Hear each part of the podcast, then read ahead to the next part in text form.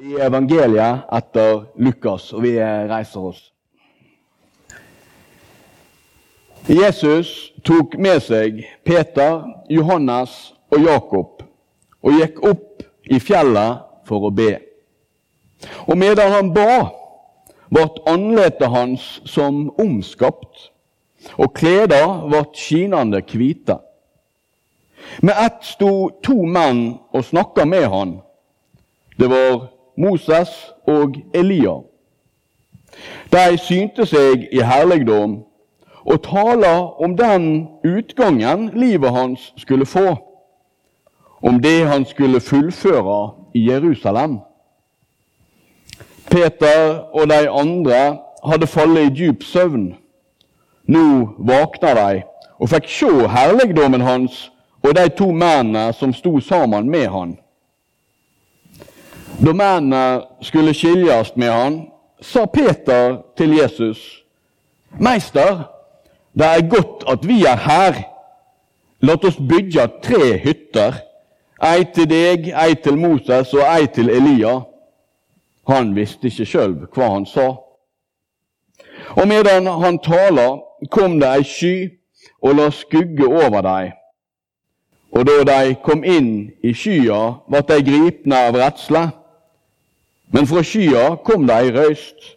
Dette er sønnen min, den utvalgte. Høyr han. Og da røysta lydde, var det ingen annen å sjå, bare Jesus. Læresveinene tagde om dette, og de fortalte, de, dagene, eh, de fortalte i de dagene ikke til noen det de hadde sett. Slik lyder det hellige evangeliet. Vær så god.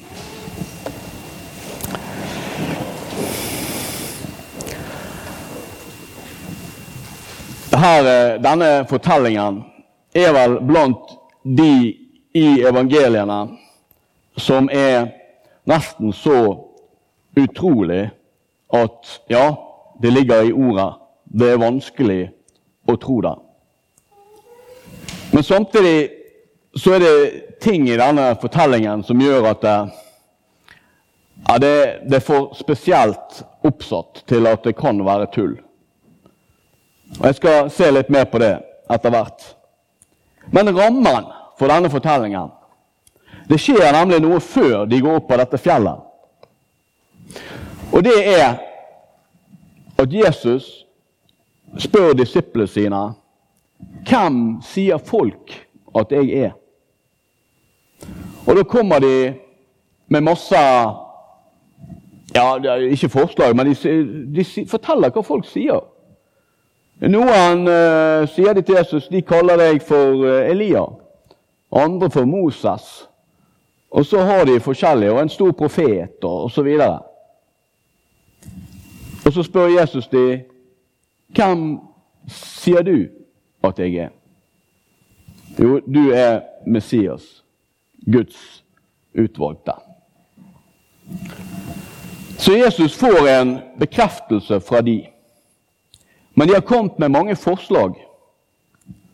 Moses han var den store lovgiveren på mange måter. Han kom med loven. Loven fra Gud. Dette skal dere gjøre, dette skal dere ikke gjøre.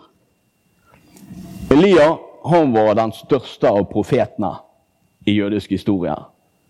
Han kom med framtidshåpet om hva Gud skulle gjøre.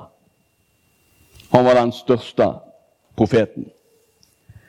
Og Det som blir veldig tydelig for disse tre disiplene som var med opp på dette fjellet, det er at Jesus er verken Moses eller Elia. For de står jo der som to egne personer hvem er så da Jesus? Og Det, det samme svaret får de ifra oven. Og det er Gud som sier dette er Jesus, han er min utvalgte. Han skal dere følge. Han skal dere lytte til. Men dette er en veldig, veldig spesiell historie. Og noe av det som slår meg som ja, hadde jeg opplevd dette, så tror jeg jeg hadde vært inne på noe av det disiplene kjenner på, nemlig redsel. Eh, det er for spesielt. Det er utenfor min eh, ja, Innenfor normalen for meg. Men det er altså en reaksjon der som jeg tenker er utrolig menneskelig. Han er veldig snål, men veldig menneskelig. Det er det Peter sier. Når han opplever at det skinner av disse personene, så sier han at så godt at vi er her. La oss bygge tre hytter. En til deg, Jesus, og en til Moses og en til Elia. Og det er så typisk oss mennesker. At når vi er i en spesiell situasjon Wow! Dette her var ekstraordinært. La oss bygge noen uh, minnesmerker. La oss bygge et monument over dette.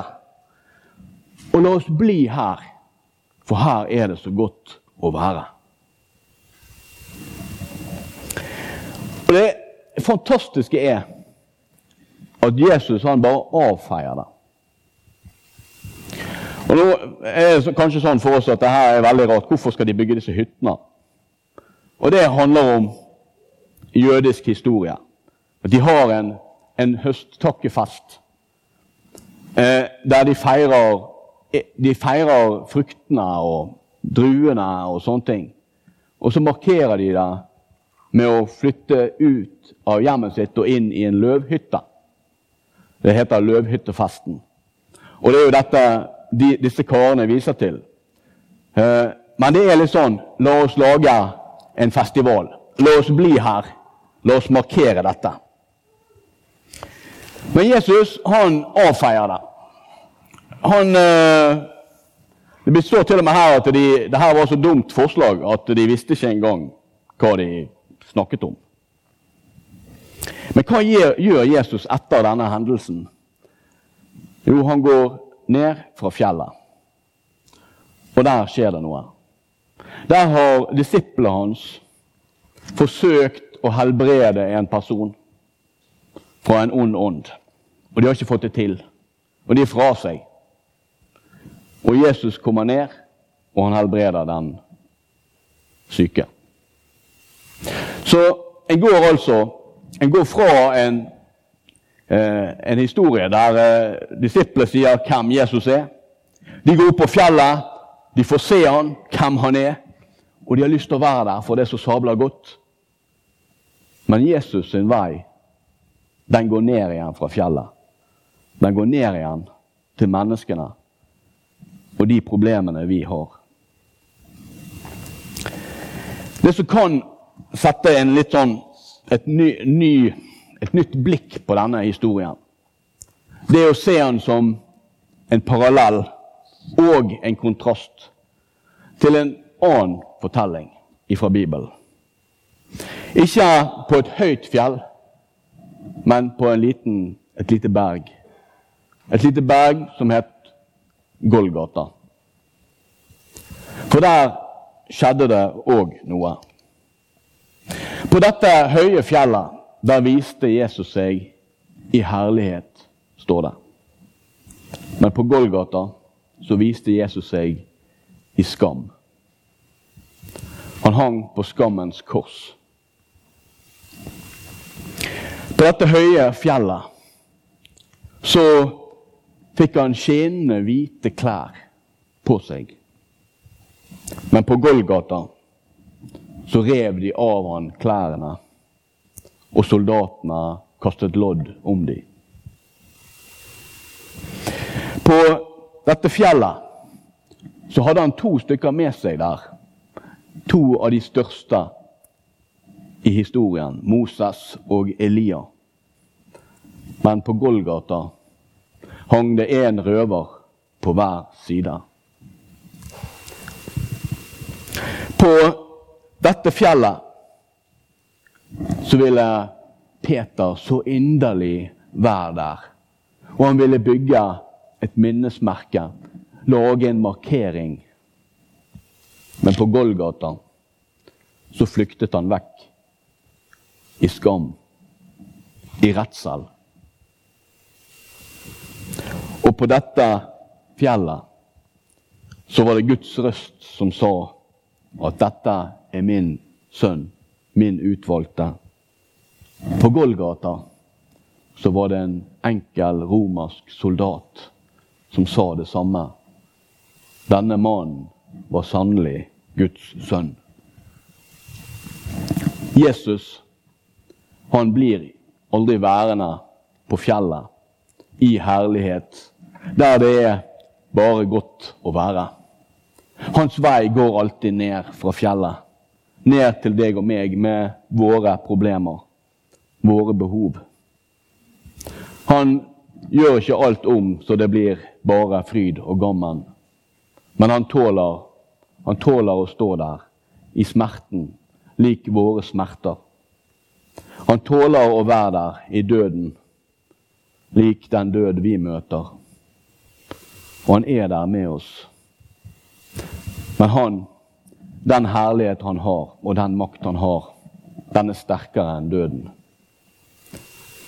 For når disse disiplene på fjellet fikk se Jesus på en spesiell måte, så fikk disiplene se han på samme måte etter at han hadde overvunnet døden og stått opp fra de døde.